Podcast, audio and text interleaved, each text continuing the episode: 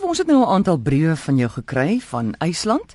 Het jy 'n bietjie besin oor die briewe en jou ondervinding? Amore, ja, ek het.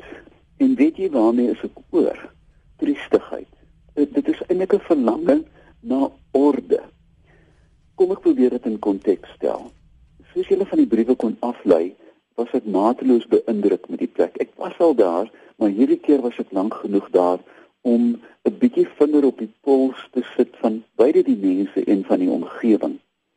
En een van die dinge wat uitgetroon het bo alles aan môre is dat mense het 'n intense belangstelling in hulle omgewing en hulle wil betrokke wees.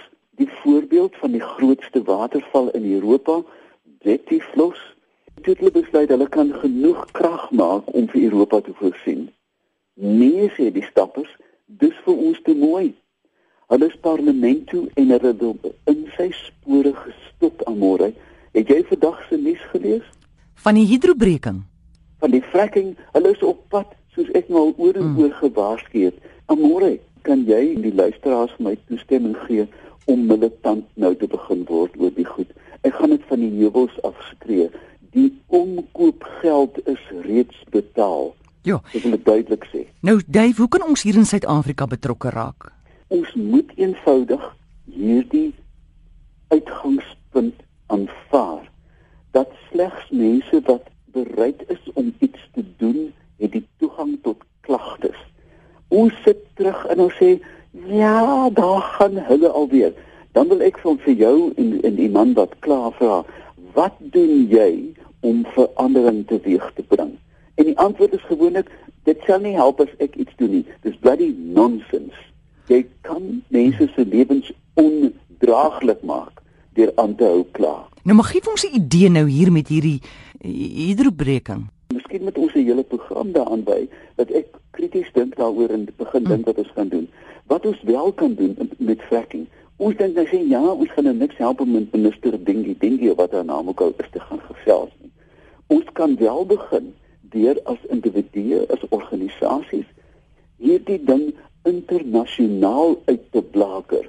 Stuur dit vir die Washington Post, stuur dit vir die Guardian, stuur dit vir die naweekkoerante van Londen dat mense wat in hierdie gemors wil belê, 'n bietjie wakker word en raakgevat word. Jy verstaan, ek dink ons vergeet dat ons in 'n groot wêreld bly aan môre wat intens gekonnekteer is elektronies. Ons moet begin blogs skryf, ons moet begin die redakteurs van die vergeet van die ou plaaslike koerante. Hulle het kyk daar kyk ons na siektes en wie staan by wie en mm. plastiese chirurgie en sulke goed. Gaan 'n bietjie groter, trap die groot koerante raak reg oor die wêreld. Bel vir CNN of skryf vir hulle. Bel vir National Geographic. Skryf vir hulle. Ons moet ophou dink dat ons hier rondkarring. Slaan met groot hamers. Ek voel ernstig oor die goed amore ek raak uit en ek wil al hoe harder skree terwyl ek 'n stem het. Mm. maar hoe dit ook al sê, hier is 'n klein groepie mense wat sê nee, ons is lief vir daai stuk aarde, los hom uit en die regering luister. Natuurlik weet ons dit gaan nie werk nie, maar dan moet ons harder en meer effektief kla.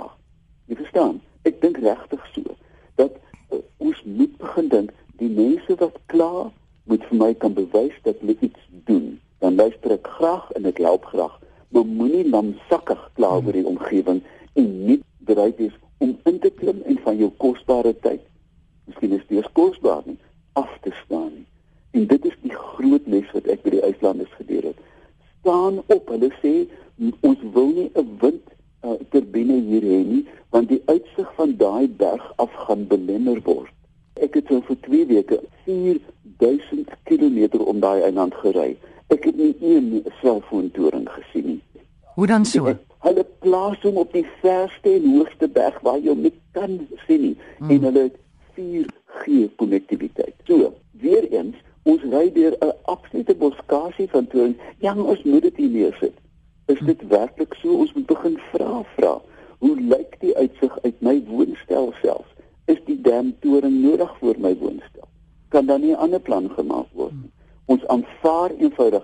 Weet jy almore, die ou ding van in toue staan en ek dink dit is ons eie Afrikaner geskiedenis. Ons luister as mense vir ons iets sê. Staan in 'n tou, ja meneer, né? Nee? Ons moet militant raak.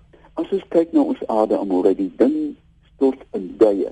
As jy kyk na die gemors wat nou weer in die Midde-Ooste gaan gebeur, luister nou. Die eerste missiele wat gaan vlieg, hier kom soos ons in die Kaap sê groot moeilikheid. En as gemeet aan die skade van ons aardbol, moet ons nou militant raak. Ons moet nie petrolbomme gooi nie, maar ons moet ons stemme onemosioneel en duidelik dat geld. En as ons dit saam doen, word dit 'n onweerstaanbare koor van stemme. So gesels Dave Peppler en jy kan hom kontak by oompie by iafrica.com